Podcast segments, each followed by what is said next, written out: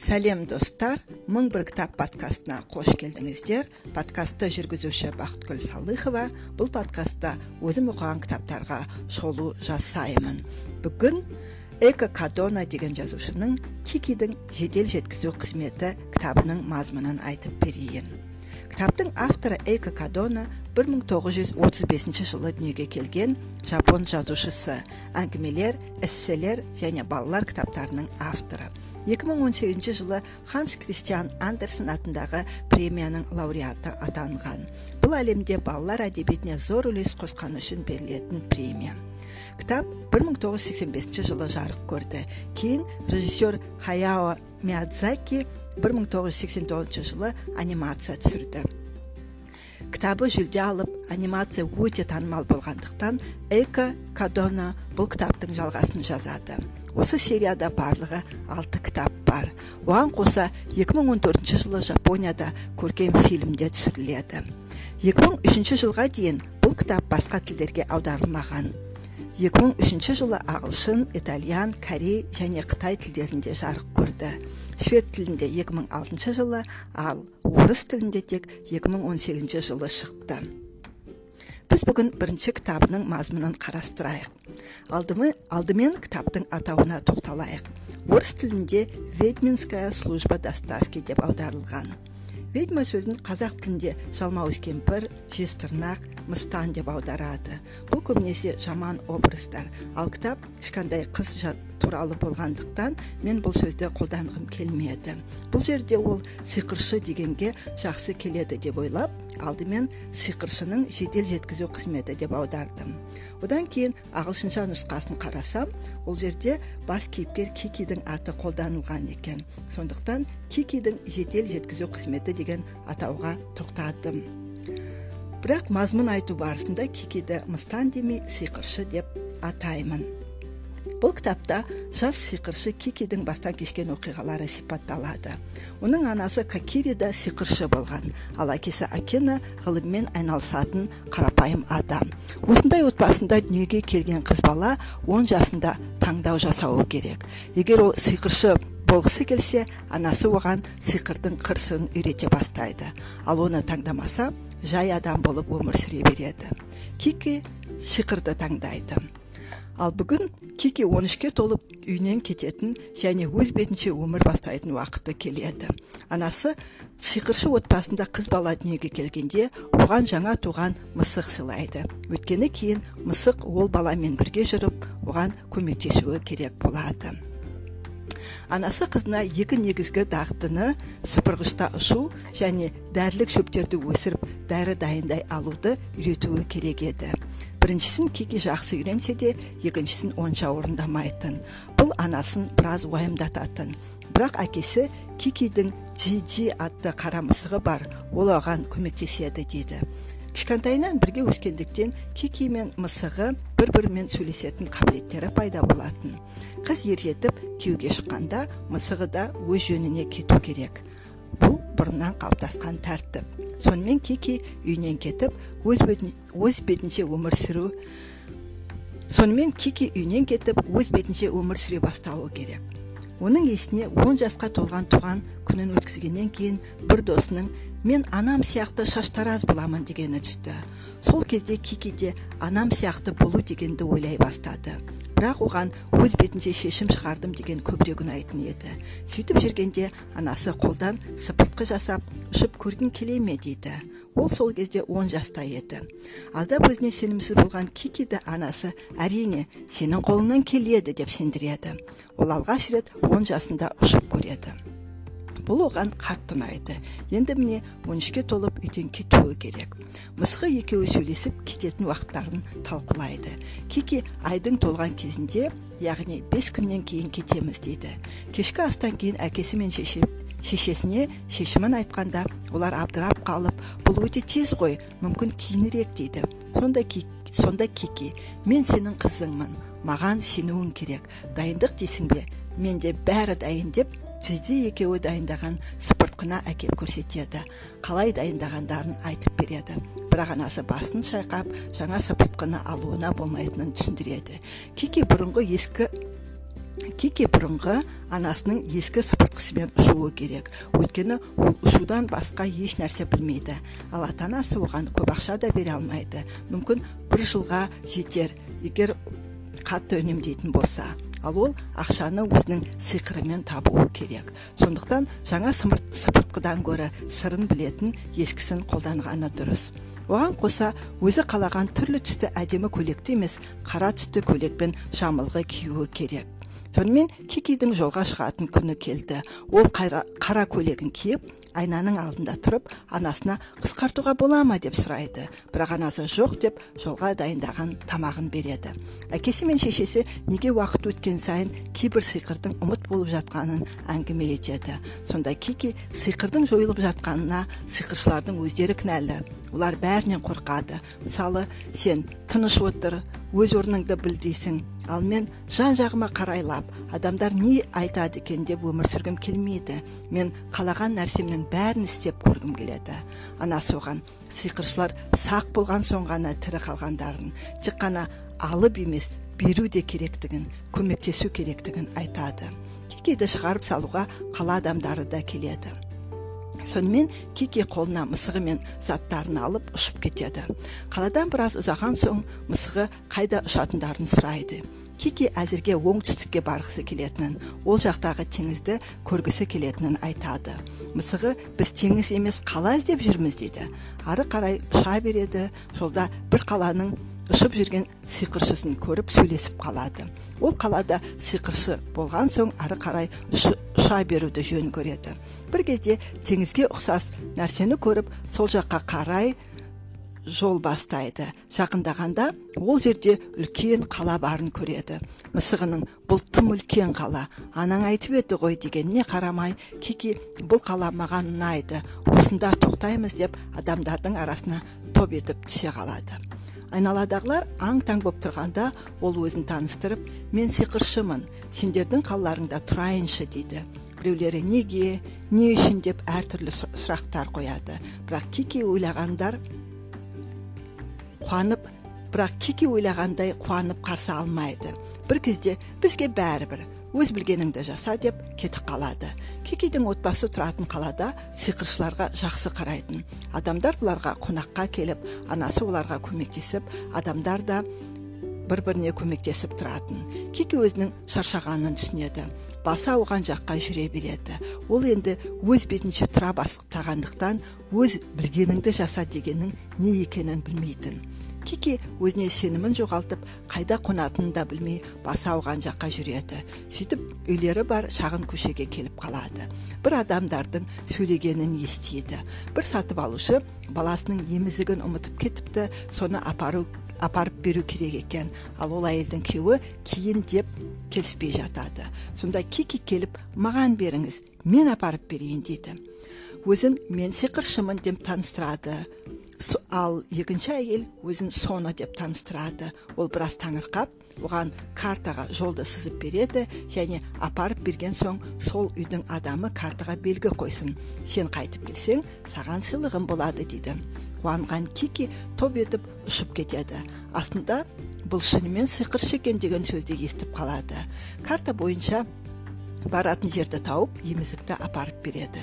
Үйде баласы жылап жатыр екен. Емізігін алып жылауын қояды. Ол адамнан рахмет естіп қайтып келеді. Кикидің көңіл күйі көтеріледі. Соны ұшып келе жатқан кикиге аузы ашылып қарап тұрады. Ол жерге тоңға қонған кезде жүгіріп келіп мені де ұшуға үйретші дейді. Бірақ кики егер сізде сиқыршының қаны жоқ болса сіз ұша алмайсыз деп түсіндіреді. Соны саған рахметім болсын. Ал деп бес тоқаш алып келіп береді. Кики мен мейірімді адамды кездестіргеніме қуаныштымын. Сіздің қалаға бүгін ғана келдім ғой дейді. Соны сонда сен қайда қонасың? Баратын жерің жоқ қой деп таңғалады. Баратын жерің болмаса біздің екінші қабаттағы қоймада тұра аласың деп сол жерді ұсынады. Ол жер тарлау екен бірақ кереуеті бар екен. Кики мен мысығы кешкі астарын ішіп ұйықтап қалады. Келгендеріне үш күн болса да кики қойма бөлмесінен шықпай отырған еді. Қолында бар тамақтарын жеп тауысқандықтан енді сыртқа шығуы керек. Бірақ бейтаныс бейтаныс қаланың дыбысы көшеде әрі бері кетіп жатқан адамдар бәрі оған қорқынышты болып көрінді. Ол адам сияқты кейіп танытып та өмір сүруіне болар еді. Немесе өз үйіне өз үйіне қайтып баруына болады. Бірақ ол өмір бойы тығылғандай өмір сүргісі келмейді. Содан ойлана келіп мынадай шешім шығарады. Бұл қалада адамдардың уақыты тығыз. Мүмкін мен олардың шағын тапсырыстарын орындап сәлемдемелерін жеткізіп тұрамын. Сөйтіп шешім шығарып отырғанда халін білуге соно келеді. Оған осы ойын айтып береді. Ол оны құптайды. Ал еңбегін ал еңбегің үшін ақшаны қалай аласың дегенде кики сиқыршыларға көп нәрсе керек емес. Адамдар қызметіміз үшін не берсе соған риза боламын дейді. Сөйтіп олар қабылдау бөлмесін жасау керек және жеткізу қызметі деп жазып қою керек деп шешеді.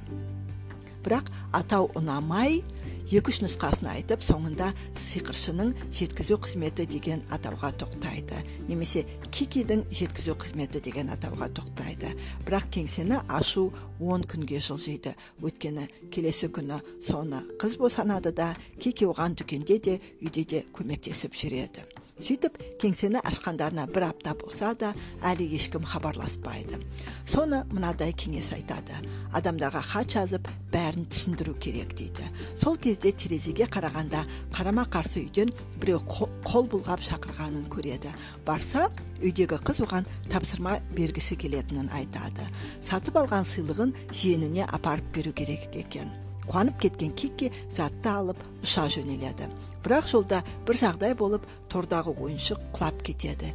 Кики өз мысығын торға отырғызып апарып беріп кейін ойыншықты тапқанда екеуін ауыстырып аламын дейді ойыншықты іздеп жүріп кики бір суретші қызбен танысады. Ойыншықты сол қыз тауып алған екен. Онымен суретін салдыруға қайтып келемін деп келісіп ойыншықты алып кетеді. Баланың үйіне барып ұйықтап жатқан баланың қолындағы өз мысығын алып ойыншығын қойып кетеді. Олар қайтып суретшіге барады. Суретші екеуін отырғызып қойып сурет салады.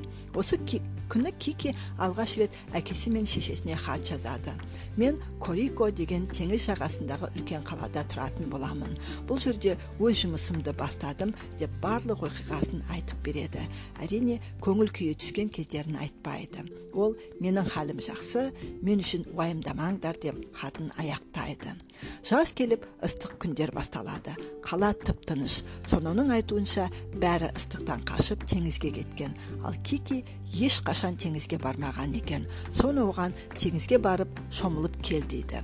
Соны кикиге шомылуға киетін киім береді. Алғаш рет кигендіктен кикиге ыңғайсыз киім болып көрінеді. Бірақ соны бұл сондай болу керек деп түсіндіреді. Олар ұшып кетеді. Жол, жолда радиодан ауа райы өзгеретінін қатты жел болатынын айтады. Бірақ кики оған мән бермейді. Өйткені күн шығып ыстық болып тұрған еді. Олар жағажайға қонады. Сол жерде көп адам мәз майрам болып жүргендерін көреді. Кики алғаш рет құмда жалаң аяқ жүріп көреді. Құмның ыстығы сондай олар секіріп секіріп жүрулеріне тура келеді. Кики суға жақын жерге келіп басқалардың істегенін қайталайды. Бірақ әлі суға түспейді. Сол кезде жанындағы бір әйел онымен сөйлеседі. Ол кісінің баласы әріректе суда отыр екен. Оған кикидің мысығымен ойнауға рұқсат сұрайды. Мысық ойнауға кеткенде кики көзін жұмып осы сәтке рахаттанып жатады. Бір кезде қатты жел тұрып азан қазан болып кетеді. Көзін ашайын десе құмнан әзер ашады. Сөйтіп толқынның бала мен мысығын теңізге алып кетіп бара жатқанын көреді. Баланың анасы да жылап айғайлап жатыр екен. Кики қорықпаңыз мен ұша аламын оларға көмектесемін деп сымырт, сыпыртқысын ұстап ұшқысы келсе өзінікі емес басқа сыпыртқы екенін түсінеді. Қай кезде ауыстырып кеткен? Көп ойлауға уақыты болмағандықтан қолындағы сыпыртқыға отырады да теңізге қарай ұша жөнеледі. Сыпыртқы оның көп күшін алады. Бір екі рет суға малынса да бала мен мысығына жетіп екеуін көтеріп алып жағаға алып келеді. Анасы баласын көріп қуанады. Кики тез арада көйлегін киіп аздап демалсаңшы деген сөздерге де мән бермей мысығын алып ұшып кетеді. Сыпыртқысын ұрлаған адамды жағажайда көрген бала екенін түсінген ол іздей бастайды. Сыпыртқы алған бала алдымен не істегісі келеді? Әрине ұшқышы келеді. Сондықтан биік жерді дөңді іздейді. Олар ұшып келе жатып алыстан ұшқысы келіп тұрған баланы көреді. Бірақ кики балаға бармай сыртынан бақылап тұрады. Мысығына көрейік ұшып көрсін дейді. Мысығы ол жарақаттанып қалады ғой дегеніне оған сол керек деп оның миллион рет кешірім сұрауы керектігін ойлайды. Сөйтіп бала секіргенде әрине ұша алмай құлап аунап аунап төменге түседі. Кики мен мысығы оның қасына жетіп барады. Кики мен жасты бала ұқсағысы келгені соншалық қара көйлек киіп алыпты. Кики оған қарап күледі. Бала қып қызыл болып кетіп басын көтермей тұрады. Біраздан кейін бала өзінің авиаклубқа баратынын сабақта олар үш топқа бөлініп зерттеу жүргізіп жатқанын айтады.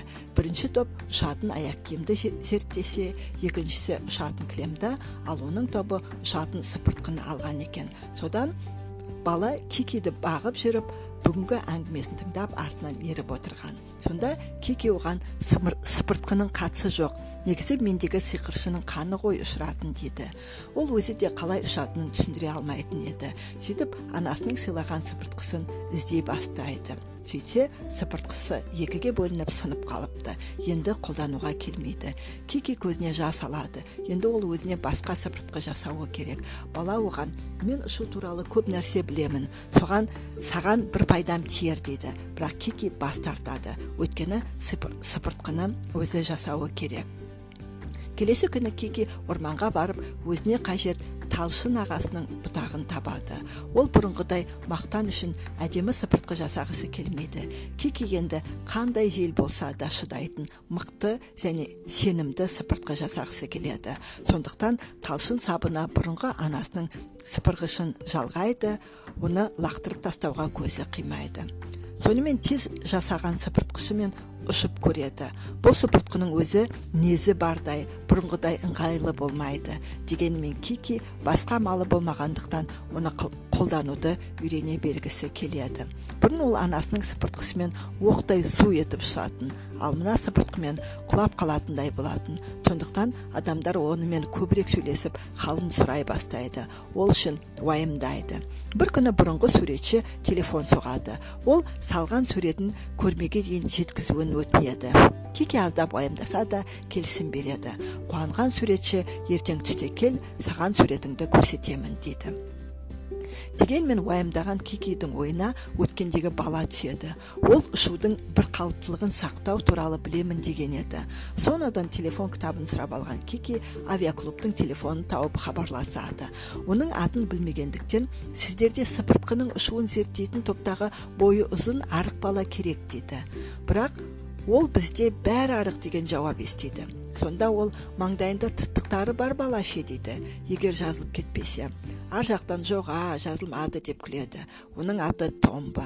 Томба телефонға келіп кикидің оны тауып алғанына таң қалады және тағы кешірім сұрайды. Кики өз мәселесін айтқанда томба оған көмектесе алатынын айтады. Екеуі суретшінің үйінде кездесетін болып келіседі. Сөйтіп кики мысығын алып жолға шығады. Суретшінің үйіне ұшып келгенде екінші жағынан томба да жүгіріп келе жатыр екен. Екеуі де үйге кіргенде суретші суретін алып шығады. Томбо сурет өте әдемі болса да көзі ұқсамайды дейді кикидің көзі үлкенірек және мейірімді бірақ суретші оған біртүрлі қарап бұл әдейі осылай жасалған деп жауап береді кики оны таныстырады томбо қолындағы пакеттен шарларды шығарып газбен толтырады бірақ шарларды бірге байлап суретпен байланыстырады суретке ұшып кетпей ауада қалқып тұрады бұл жердегі ең бастысы шардағы сутектің мөлшері мен шардың санын дәл есептеу деп түсіндіреді томбо кики оны мақтағанда томбо екі езуі екі құлағына жетеді. Бұл өте жақсы идея болады. Кики ұшқанда еш қиындық тудырмайды. Баратын жеріне жетеді. Солай адамдар басын көтеріп сурет пен шын сиқыршы қыз бен мысықты көріп салыстыра алады. Олар қандай керемет қайсысы шын қайсысы сурет екенін айыра алмайсың деген пікір айтып жатады суретті көрмеге іліп қояды оның алдында ылғи көп көрермен жиналатын еді суретке әлемдегі ең әдемі қара түс деген атау беріледі суретші өте риза болады сондықтан кикидің жұмысына әдемі маңдайша жасап береді осының арқасында қаланың барлық жерінде жеткізу қызметі туралы хабардар болып көп тапсырыс түсе бастайды. Туған күнге гүл ұмыт қалған түскі ас дәрігердің құралы сияқты заттарды апарып беру бірақ тек өзін ғана ойлайтындар да табылады. Олар мектепке дейін сөмкесін апарып беріп немесе тіл тигізу немесе жаман сөздерді жеткізуді сұрағандар. Бірақ кеке олардан бас тартатын. Жаз жайлап аяқталып күздің түстері көбірек көріне бастайды. Кикиде бәрі жақсы болғанымен анда санада көңілі толмай жүретін. Қазір де сондай кез еді. Ол өзін мен бұл қалаға келгелі көп нәрсені бастан кешірдім. Бұл шаршағандық деп алдартқысы келеді. Бірақ оның себебі тек қана шаршау емес еді. Алдында томбо оған сен маған қыз емес кәдімгі ұл бала сияқтысың. Сенімен сөйлескенде өзімді ұлдармен жүргендей сезінемін деген сөздері мазасын кетіреді. Басында ол өзі көзің әдемі деп еді. Енді бұнысы нес? Әлде бұл қаланың қыздары басқаша ма деп басын қатырады. Осы күні ол екінші аяқ киімін таппай бұрқылдап жүреді. Ойнайтын болсаң ойна бірақ барлық нәрсені өз орнына қою керек деп мысығына ұрсады. Сол кезде телефон шыр ете қалады. Көтерсе ар жағындағы кісі есімі фиалка екен. Ол хризантема деген әпкесіне печенье апарып беруін өтініп мекен жайды түсіндіреді. Апыл ғұпыл тыңдаған кики аяғындағы екінші аяқ киімді бірдеу бұрышқа түсіріп үйден атып шығады. Баратын жеріне тез жетіп аулаға кіреді. Фиалка кір жуып жатқан. Ананы мынаны айтып қызық әңгіме болады. Ол кикиге сенің барлығын істей бермейтінің жақсы екен. Өйткені сен бәрін істейтін болсаң мен жұмыссыз қалар едім деп күледі. Кір жуып жүріп кикиге көмектес деп кірді жая бастайды. Жайылған кірдің жібінің бір жағын ұстап тұрған кикиге кішкене жоғары көтеріл тағы тағы деп жүріп кики аспанда тұрғанын байқамай да қалады. Ал фиалка уф! деп барлық киімдерді жайып болады. Ал кики енді мен не істеймін? Жіптің мына жағы ше? дейді. Фиалка оны бір жерге байлай сал дейді. Бірақ аспанда байлайтын жер жоқ қой. Сөйтіп кики жіпті өз беліне байлап қояды да әрі бері ұшып кірдің тез кебуіне жағдай жасайды. Бір кезде кірдің бәрі кеуіп болған соң фиалка киімдерді жайлап жинай бастайды да кики төменге түседі. Фиалка оған алғысын жаудырады. Асханаға барып екі пакет алып шығады. Біреуі әпкесіне екіншісі кикиге. Кики печеньяны хризантемаға апарып береді. Ал ол болса өзі келмей маған қызды жібергенін қарашы. Оны кездестіргенде бәрін бетіне айта саламын деп қалады. Үйге қайтқан кики сол күні біраз әндетіп жүреді. Келесі күні есікті тық тық деп біреу қағады. Алдында қыз бала тұр. Ол бір сыйлықты апарып беруін бірақ кімнен екенін айтпауын сұрайды. Кикиді бұл біраз таңғалдырады тіпті ашуландырады. Ол өйткені ол неге өзі барып ашық бермейді деген ойға қалады. Сөйтсе қызда тағы бір қалам бар екен. Екеуі де бірдей. Біреуін ай деген ұл балаға екіншісі өзінде болады. Бірақ кімнен екенін айтпай ол өзі табуы керек екен. Ал ол кімнен екенін іздегісі келмесе ше деп сұрайды кики олай болуы мүмкін емес мүмкін емес дейді қыз. Кики тез кетейін дегенде қыз оны тоқтатып тағы бір нәрсе бар екенін айтады. Хат. Хатта өзі жазған өлең бар екен. Және сен ұл балаға сыйлық бергенде оның қасында хат болуы керек екенін білмейсің бе дейді. Әңгіме ұзаққа созылып кетуінен қорыққан кики мекен жайды сұрап алып жолға шығады. Бірақ ұшып жүріп айтқан жерге тез жетпей айналып жүргенін мысығы есіне салады. Кики бір жерге тоқтап демалайық дейді. Бірақ бар ойы хатта хатта не жазылғанын көргісі келіп тұр. Сөйтіп ол мысығын жұмсап жібергісі келеді. Мысығы мен саған кедергі келтіріп тұрмын ба? дейді. Ал кикидің бар ойы хатта. Ол жерде не жазылғанын көргісі келіп тұр. Оны мысығына да айтады кики жайлап хатты ашады да оқи бастайды туған күніңмен құттықтаймын осыны дауыстап айтқым келеді бірақ артқа шегінемін туған күніңмен құттықтаймын көзіңе қарап айтқым келеді бірақ артқа шегінемін туған күніңмен құттықтаймын ұмытпаймын сыйлықты өз қолыммен бергім келеді бірақ артқа шегінемін деген сияқты жолдарды оқып неге артқа шегіне береді деп кики ойланып қалады. Қайтадан хатты конвертке салғысы келгенде жел басталып қолынан ұшырып кетеді. Артынан жүгіремін дегенде кики құлап қалады. Мысығы сыпыртқымен үш дегенше хат барып өзенге құлайды. Сөйтіп жүріп хатты таппай қалады. Кики біреудің хатын оқығаным үшін мені жазалап жатыр деп ойлайды. Мысығы өлең менің есімде. Оны мына жапыраққа жазып шығайық дейді. Сөйтіп екеуі естеріне түсіріп өлеңді жазып шығады. Бірақ аздап алғашқы нұсқадан өзгерек болады. Бірақ екеуі де мәз болып хат пен сыйлықты балаға апарып береді. Ол хатын ашқанша бұрылып кетіп қалады. Бірақ бала оны қуып жетіп кімнен екенін сұрайды. Кики сөз бергенін атын айта алмайтынын жеткізеді. Бірнеше күннен кейін хатты берген қыз келеді. Сыйлық берген баланың оны тапқанын және бір қызық нәрсе айтқанын айтады. Екеуі сөйлесіп тұрады. Кики оған шындықты айтып береді. Хатын оқып қойғанын оны жоғалтып алғанын және өлеңді еске түсіріп жазғанын және одан кешірім сұрайды. Сол жерде екеуі танысып есімдерін айтады. Екінші қыздың есімі миме екен.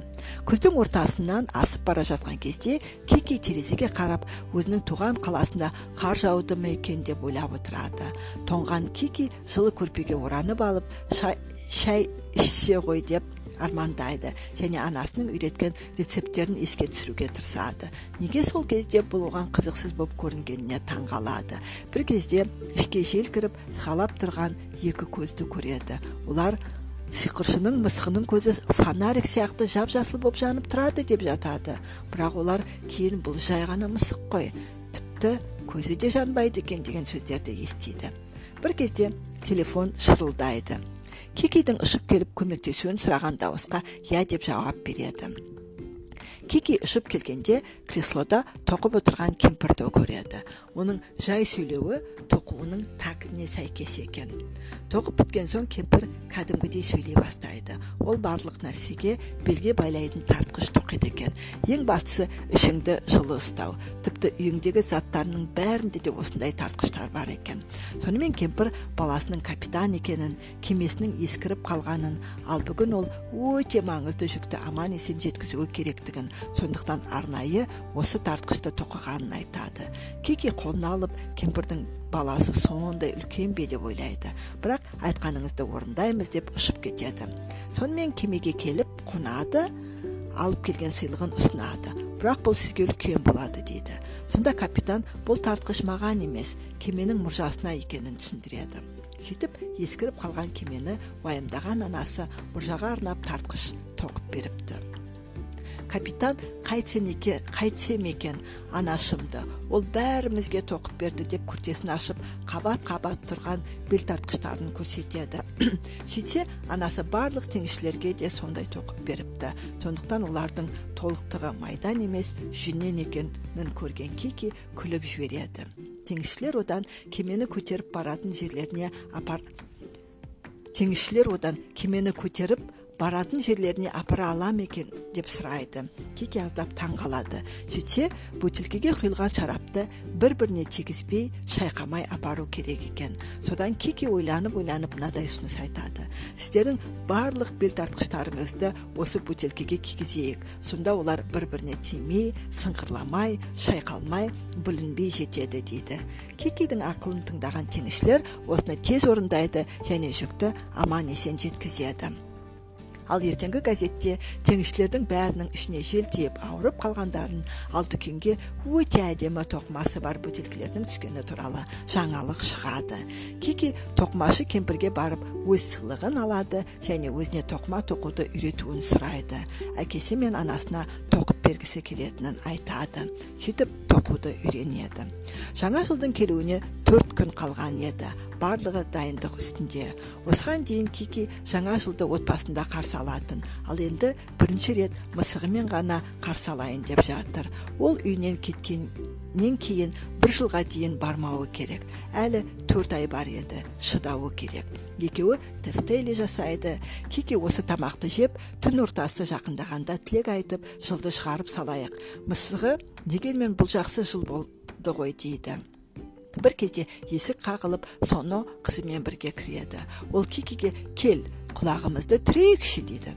Кики түсінбей неге? деп сұрайды. Сонда соны мен саған түсіндіруді ұмытып кетіппін ғой білесің бе қалада қалыптасқан дәстүр бар.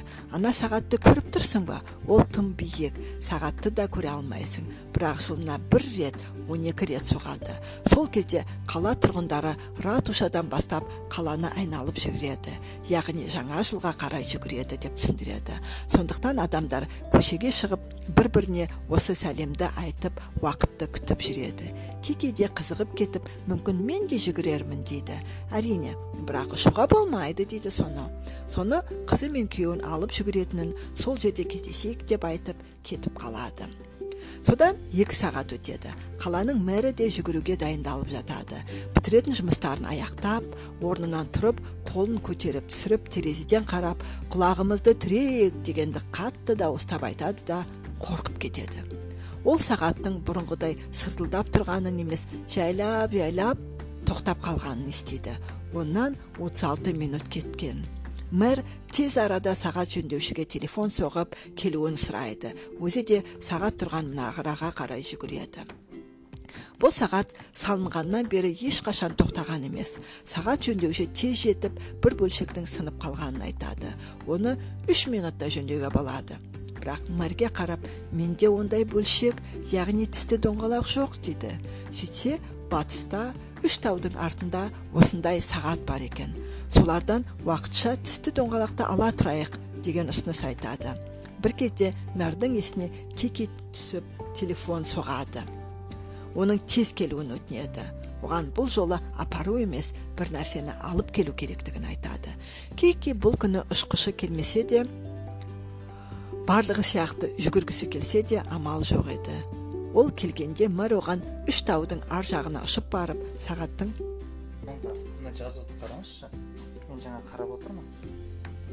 Мына түстердің орналасуы лгбт ның жалауына ұқсайды. Айтады мен сөйтіп ойлап отырмын мынандай ертең міне эфирге шықса хайдай болып кетпей ма?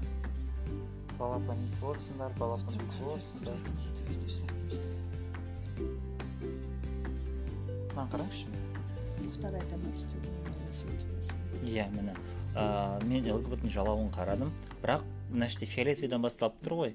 Оларда қызыл міне оранжевый сары жасыл көк сосын қайтадан оранжевый жанарға айт просто цветтің мен бағана қарағанда общий қарадым да ойладым түстің бәрі дәл сондай түспеуі мүмкін. Шықпау біз көріп жатырмыз ғой идеально бір нәрсе береді де реальности басқа нәрсе болып келеді ғой. Мына түстердің орналасуын иә сөйтіп айт сондай нені айтып жатыр. Жаңағыдай лгбт дейсің ба әйтеуір айтсаң шығып жатыр сондай екен андай может быть тым көп түс емес бір екеу үшеуін ғана алады өйткені айтады тым көп болып тұр ғой жеті түс болып тұр жеті түс болып тұр бұлар енді апай кемпірқосақта алған ғой. Ал лгбт ның жалауы қырсықында туп тура кемпірқосақтың жалауы болып шығара салған ғой лгбт олар бірдемені ауыстырған ғой деймін онда түстердің тым болмаса түсін ауыстырыңыздар орналасуын ауыстырыңыздар деймін иә. Мәселен сарының астына түсіресіздер ма адамдарға бәрібір де олар қай жерде болса да айтқысы келген адам а мынау лгбт дей береді де бүкіл түс қолданылса может быть үш төрт түсті ғана қолданады. Может быть арасында бүйтіп мындай болады ғой. Горошек қолдана ма білмеймін ғой жаңағыдай. Клетка қолдана ма басқа бір нелерді. Сондай көп қолданғысы келсе ал бірдей түс емес. Тек аха түсіндім түсіндім арасында басқаша бір нәрсе қолдансын деймін анда бір символдар ма білмеймін бір қандай сызықшалар ма қолдансын онда иә конечно.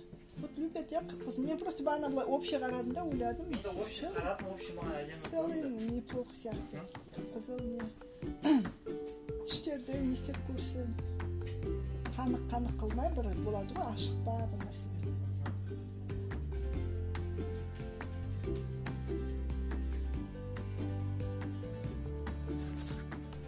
Кики бұл күні ұшқышы ұшқысы келмеген еді ол бәрі сияқты жүгіргісі келген бірақ амал жоқ.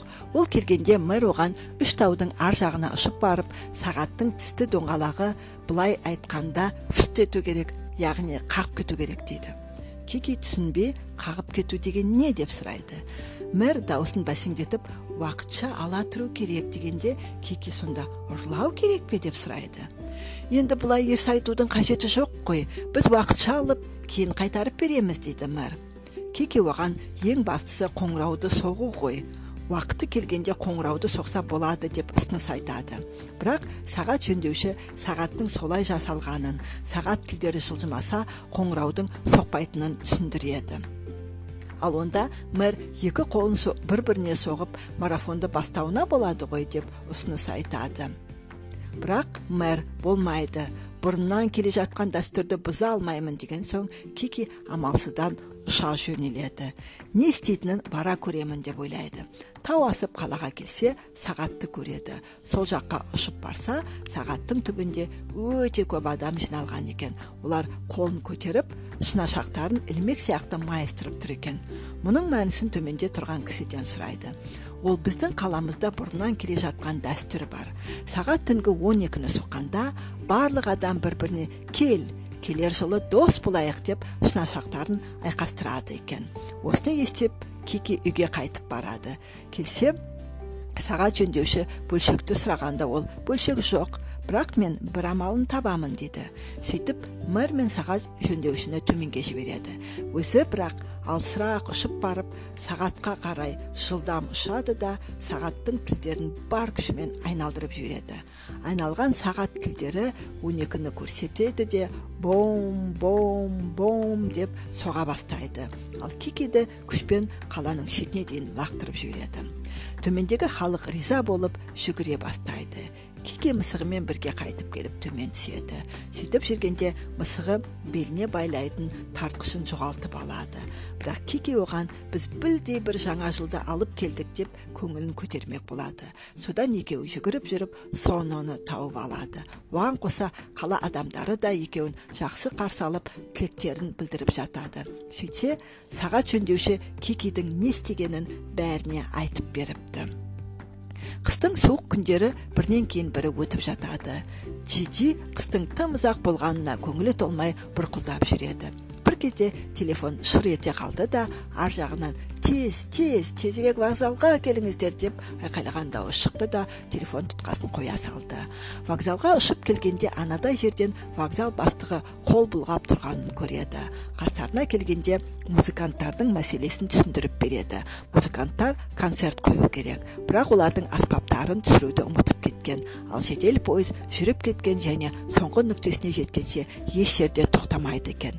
Мұны естіген кики мен сіздерге қалай көмектесемін? Көмектесе алмаймын деді. Ал вокзал бастығы мүмкін сен жүріп бара жатқан пойыздың терезесінен кірерсің ұрылар кейде солай жасайды ғой дейді. Бірақ кики басын шайқайды. Мүмкін музыканттар басқа аспаптармен ойнайды деп сынады. Бірақ музыканттар жоқ. Бізге өз аспаптарымыз керек дейді. Олардың сөздері мен көздері кикиге ұнамайды. Мынадай көзбен қалай көктем шақырады деп ойлайды. Өйткені алдында музыканттар біз музыкамызбен адамдардың жүректеріне жылулық сыйлап көктемнің тезірек жетуіне көмектесеміз деген. Музыканттардың бірі бар жауапкершілік вокзал бастығы мен жүк түсірушілерде. Үш сағаттан кейін аспаптар осында болу керектігін бұйыра айтады. Вокзал бастығы мен жүкшілердің аянышты түрін көрген кики қолынан келгенін істеп көретінін жеткізеді. Сөйтіп мысығымен ұшып кетеді. Кики оған соңғы вагонның төбесіне қонамыз. Сен терезе арқылы ішке кіріп сонан соң есігін ашып бересің дейді. Бірақ бұл оңай шаруа болмайды. Өйтіп бүйтіп жүріп кики ішке кіреді. Сөйтсе футлярдағы сегіз аспап тым көп. Оның бәрін қалай тасиды? Мүмкін футлярдан алып тастаса қалай болады деп ойлап аша бастайды. Барлық аспаптарды алып жіпке байлағанын байлап скрипканы мысығына беріп виолончельді өзі ұстап қалғанын сыпыртқының сабына байлап ұша жөнеледі. Концерт үште басталу керек еді. Бірақ сағат үштен он минут кетті. Жиналған жұрт сахнада отырған сегіз музыкантқа қарап отыр. Ал олар әлі бастайтын емес. Бір кезде дыбыс шығады. Дыбыс аспаннан бұлттардың арасынан шығып жатыр еді. Адамдар бастарын көтеріп тыңдай бастайды. Кикиге виолончельде ойнау қатты ұнайды. Ол мысығына бірден жерге қонбай тағы да ұша тұрайық. Ептеп музыканы ойнап ұша тұрады ал тыңдап отырған адамдар қандай керемет концерт! Музыка аспаннан ойнап жатыр! деп риза болады. Музыканттар аспаптарын алып сахнаға қарай шыққанда көрермендер жиналып кетіп бара жатады. Олар сиқыршы қызды шақырып аспаннан музыка ойнау сондай керемет ақыл болды. Сіздерге рахмет деп кетеді. Кики де мысығымен қайта аспанға ұшады. Сол кезде мысығы еңбегің үшін сыйлық алдың ба деп сұрайды. Сонда кики сыйлықтың қажеті жоқ. Біз уақытты сондай қызық өткіздік. Осының өзі де жеткілікті дейді. Мысығы солай екен ғой. Мен де көктемнің дыбысын естіп жатырмын деп қуанады. Кики келгендеріне бір жыл боп қалғаны есіне түседі. Көктем бір жола өз күшіне енді де кики терезе алдында отырып арғы күні келгендеріне бір жыл болатынын айтады. Мысығы иә иә мүмкін үйге қайтуға дайындала бастаймыз дейді. Сонда кики дәл сол уақытта шығудың қажеті жоқ болар деп ойлайды. Саған не болды? Сен осы уақытты ұзақ күтіп едің ғой. Енді қуанбай тұрған сияқтысың ба дейді мысығы мен осы уақытты мен осы уақытта өзгердім бе? Жалғыз тұру өз бетімше өмір сүру қолымнан келді ме деп сұрайды кики мысығы әрине сен өстің сен бәрін дұрыс жасадың деп уатады. Егер бұрынғы кики болса ол оңды солды мен мықтымын менің қолымнан келді деп шулатушы еді. Ал бірақ қазір ол өзіне сенімсіз сияқты. Шынымен қолынан келді ме? Сондықтан ол тағы біреуден сұрап олардың пікірлерін айтқанын қалады. Мысығы сен енді демалысты жылжытайын деп жатпаған боларсың дегенде кики әрине жоқ кеттік дайындықты бастаймыз деді. Кики сонаға он күндей демалысқа кететінін айтады. Соны да ол үшін қуанады. Сонан соң томбаға телефон соғады. Ал ол болса сұрақтың астына алады. Қандай жылдамдықпен ұшасың? Биіктігі қандай? Жел болса ше? Жел бұл алдыңнан соқса ше? Жоғарыда температура қандай? Бұлттардың арасында ұшқанда қандай әсер болады? Бұлттардың дәмі бар ма? Кики қандай көп сұрақ? Ұлдардың осы бітпейтін сұрақтары көп қой деп ойлайды. Сонан соң бір екі тұрақты тапсырыс берушілерге де хабарласып демалысқа кетіп бара жатқанын айтады. Соңынан хабарландыру іледі үйлерін жинап заттарды реттеп қояды.